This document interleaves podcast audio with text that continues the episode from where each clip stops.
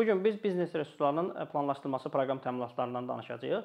Biznes resurslarının planlaşdırılması proqram təminatları şirkətlərin, təşkilatların həm insan resursları, həm maliyyə, mühasibatlıq, alış-satış, layihələrin idarə olunması, risklərin idarə olunması, inventarların idarə olunması, hətta bəzən müştəri məmnuniyyətlərinin idarə olunması kimi bütün biznes proseslərini elektronlaşdıran, avtomatik qaydada və vahid sistem vasitəsilə idarə etmək üçün olan proqram təminatlarıdır.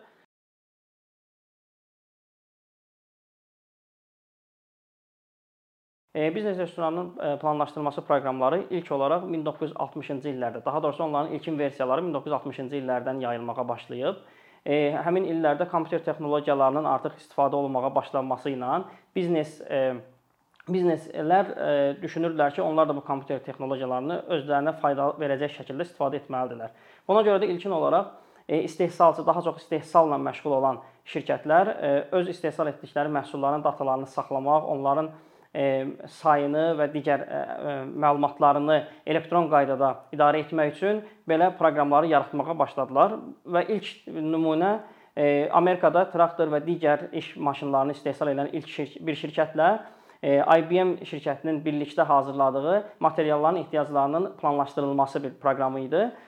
Bu dediyim kimi çox sadə, bu gündən baxanda fundamental bir proqram idi və həmin dövrdə bu proqramların istifadə olunması üçün e, yəni elektronik resurslar, yəni serverlər və s. çox böyük e, ölçüdə tələb olunurdu. Buna onlar xüsusi yerlər ayırmalıdılar, böyük otaqlar ayrılmalı idi ki, həmin e, məlumatları özündə saxlaya bilsin və idarə edə bilsin, avtomatlaşdıra bilsin. Bu tədricən 70-ci illərdə biraz kütləviləşməyə başladı. Amma əsas 80-ci illərdə artıq e, yeni e, era başladı. Bu yeni era insan resurslarının idarə olunması, marketinq, maliyyə və digər birbaşa istehsalatla əlaqəli olmayan departamentlərin əməliyyatlarının işlərinin də elektronlaşması və istehsalatla birləşdirilməsi sayəsində oldu. Burada yenə IBM həmin illərdə öndə gəlirdi və daha sonra 1990-cı illərdən artıq SAP, Oracle və digər məşhur şirkətlər yeni biznes resurslarının planlaşdırılması, ingiliscə ERP adlanır, ERP məhsullarının bazara çıxarmağa başladılar. Bu fərqi nə idi? Burada artıq biznesin, şirkətin, korporasiyaların bütün əməliyyatlarını, nə qədər əməliyyat varsa, hamısını bir sistemdə birləşdirirdi. Onların bütün ə, məlumatları vahid databazada yerləşirdi və bu bütün ə, əməliyyatları vahid sistemdən idarə etmək imkanı yaradırdı.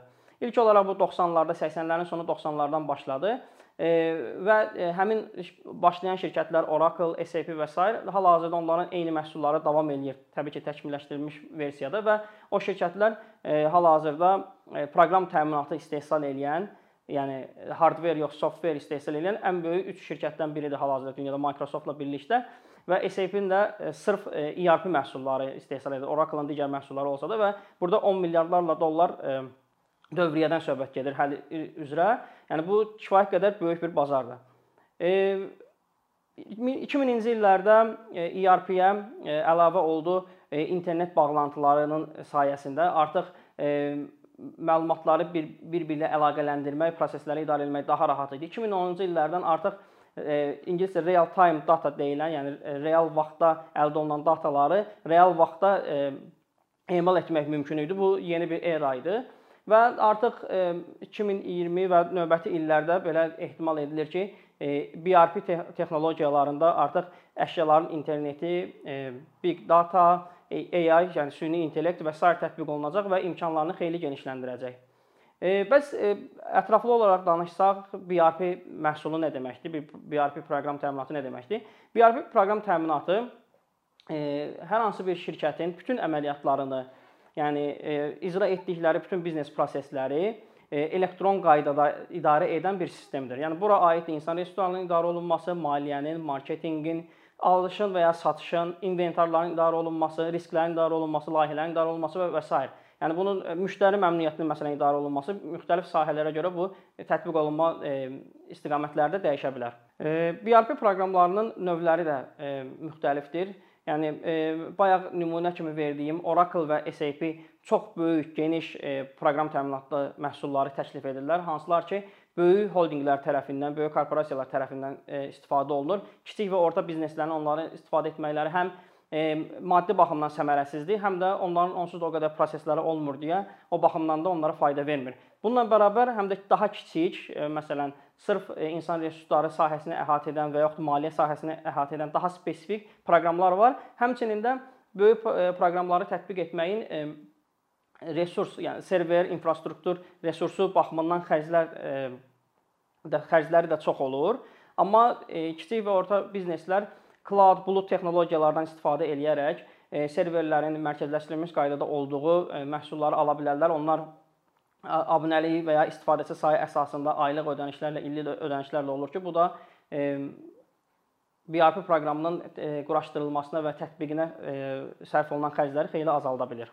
Bəs BRP proqram təminatlarının faydaları nələrdir? Əslində bu xeyli faydaları var. Dediyim kimi bu bütün bu prosesləri vahid mərkəzdən idarə etmək özü xeyli həm maddi baxımından, həm insan resursu baxımından, həm vaxt baxımından resurslara qənaət e, e, elətdirir. Həmçinin də vahid databazanın olmağı, məlumatların bir yerdə idarə olunmağı, yəni siz əminsiniz ki, orada olan bütün məlumatlar düzgündür və yaxud da insan resursları məsələn mütəxəssisi e, maliyyə mütəxəssisinin gördüyü dataları da görə bilir. Məsələn, tutaq ki, işçinin əmək haqqı, e, işçinin əmək haqqının ödənilməsində həm insan resurslarından, həm də maliyyə departamentlərinin iş, işləri kəsişir və onlar hər ikisi bu məlumatları görə bilirlər. Məlumatlar vahid bazalarda saxlanılır. E, həmçinin təhlükəsizlik baxımından siz əminsiniz ki, bir e, güvənilir bir dünya səviyyəsində istifadə olunan proqram təminatını tətbiq edirsiniz. Onun artıq təhlükəsizliyinə e, onlar cavabdehdirlər. Siz cavabdeh deyilsiniz və bu sınanmış bir texnologiyadır. Artıq öz məlumatlarınızın təhlükəsizliyini qorumaq, özünüz qorumaq məcburiyyətində deyilsiniz. Buna əlavə resurs ayırmırsınız. Belə üstünlükləri var. Həmçinin biraz çətinliklər də var bunu tətbiq etməkdə ki, e, bəzən xərcləri çox ola bilər, amma bayaq dediyim kimi bulut texnologiyalardan daha kiçik proqram təminatlarından istifadə edə bilərsiniz xərcləri azaltmaq üçün. E, həmçinin də işçiləri bu e, proqram təminatlarından istifadəyə yaxşı təlimləndirmək ehtiyacı olur. Çünki çox spesifik proqramlardır.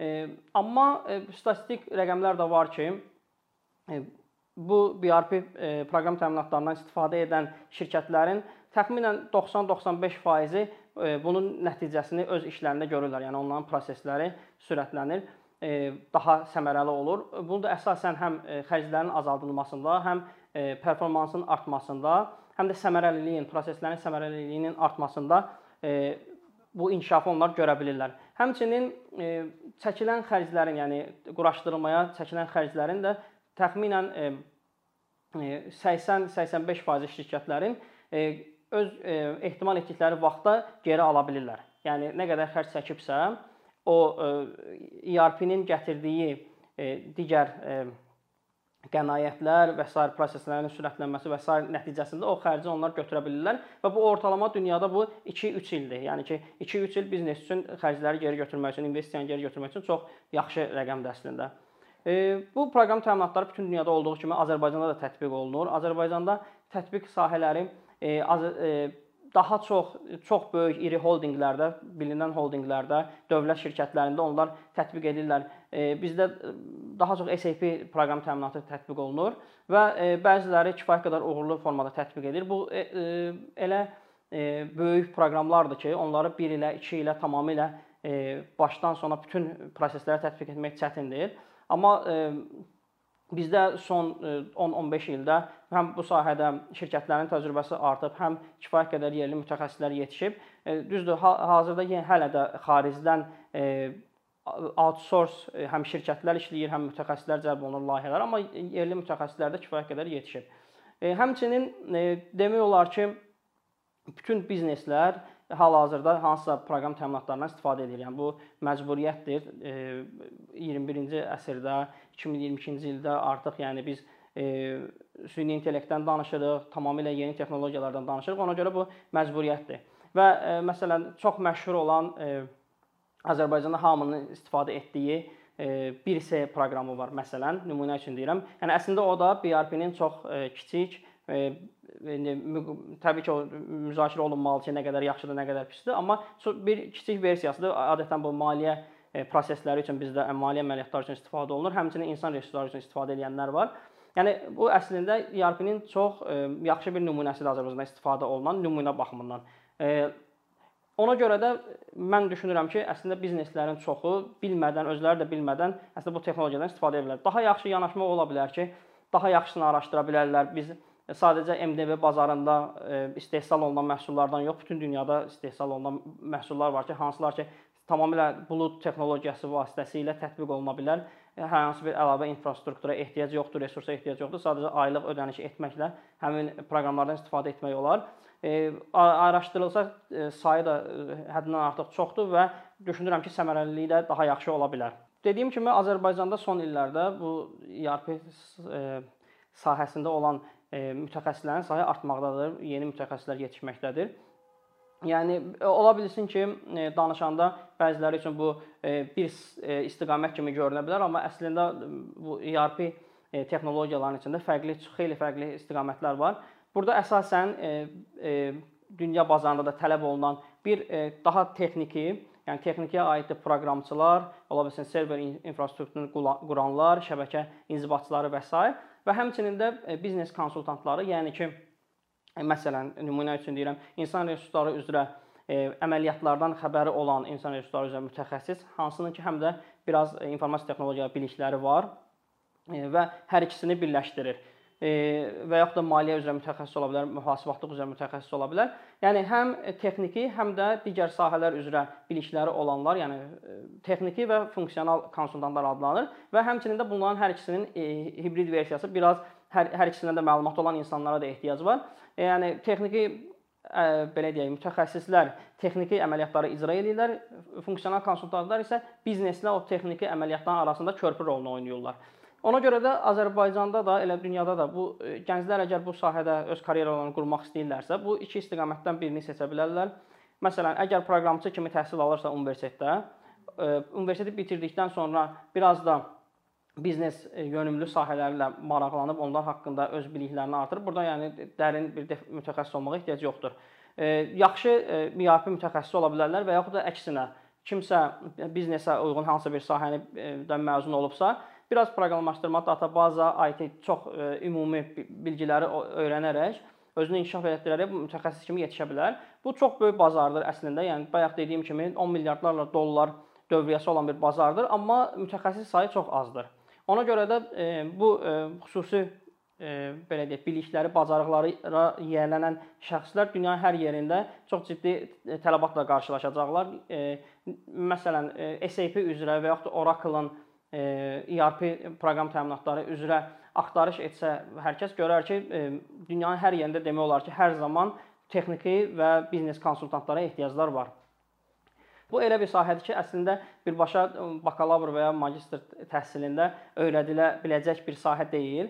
E, düzdür, indi hal-hazırda bəzi dünya universitetləri böyük korporasiyalarla sırf ERP təhsili üzrə e, müəyyən əməkdaşlıq edirlər, o təhsili universitetdə də almaq mümkün, amma əksərən hər kəs e, ona uyğun e, bir sahəni bitirdikdən sonra iş mühitində öyrənir. Yəni mən özüm proqram təminatı, kompüter elmləri üzrə e, təhsil alsam da, sırf ERP-də proqramlaşdırma, ERP-nin digər cəhətləri ilə bağlı işə başlayandan sonra həm təcrübə ilə, həm də hər bir bu dediyim böyük proqram təminatlarının özlərinin böyük şirkətlərin təlimləri var, kursları var, materialları var. Onlardan öyrənərək sertifikatlar əldə eləyərək bu şəkildə təkmilləşdirmək mümkündür.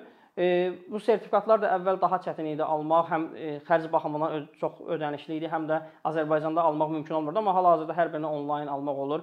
Yəni bahalı kurslara getməyə də ehtiyac yoxdur hamının bildiyi ucuz platformalardan istifadə edərək təlimlər görüb, həm də e, müəyyən bir yerdə işləyərək iş təcrübəsi qazanıb. Çünki təcrübə olmadan sırf biliklərlə sertifikatı almaq biraz çətin olur. Bunların ham ikisini birləşdirərək, həm iş təcrübəsini, həm də bilikləri birləşdirərək sertifikatları da əldə etdikdən sonra sertifikatlar çünki bütün dünyada tanınır, yəni artıq təsdiq edir ki, siz bu sahədə e, təcrübəli və bilikli bir mütəxəssissiniz. E, bunları əldə edib özlərini inkişaf etdirə bilərlər. Həmçinin e, mən düşünürəm ki, şirkətlər də öz işçilərini bu sahədə inkişaf etdirməkdə maraqlı olmalıdırlar. Çünki bayaqdan danışdığımız faydaları əldə etmək üçün bu proqramlar tətbiq olunmalıdır. Tətbiq olunanda da onları kimsə istifadə etməlidir. Yeni işçilər, hazır işçilər tapmaq çox çətindir. Dediyim kimi, bazar böyük olsa da mütəxəssislərin sayı azdır. Ən səmərəli üsul odur ki, öz işçilərini yetişdirsinlər. Onun üçün də e, təbii ki, onların investisiyası e, tə, onların özlərini inkişaf etdirmələrinə investisiya qoymaq lazımdır təlimlər vasitəsilə həm onlayn ola bilər, həm yerli bazardakı mütəxəssislər tərəfindən ola bilər. Həmçinin də onların təcrübəsini artırmaq üçün belə təcrübələr də mən özüm yaşamışam. Məsələn, əvvəl çalışdığım şirkətdə xaricdən mütəxəssislər cəlb olunurdu, onlar layihələrdə işləyirdilər və yerli mütəxəssislər də onlardan öyrənirdilər, bir yerdə çalışırdılar və yavaş-yavaş xarici mütəxəssisləri yerli mütəxəssislərlə əvəz olunurdu. Yəni bu təcrübədən də istifadə etmək olar.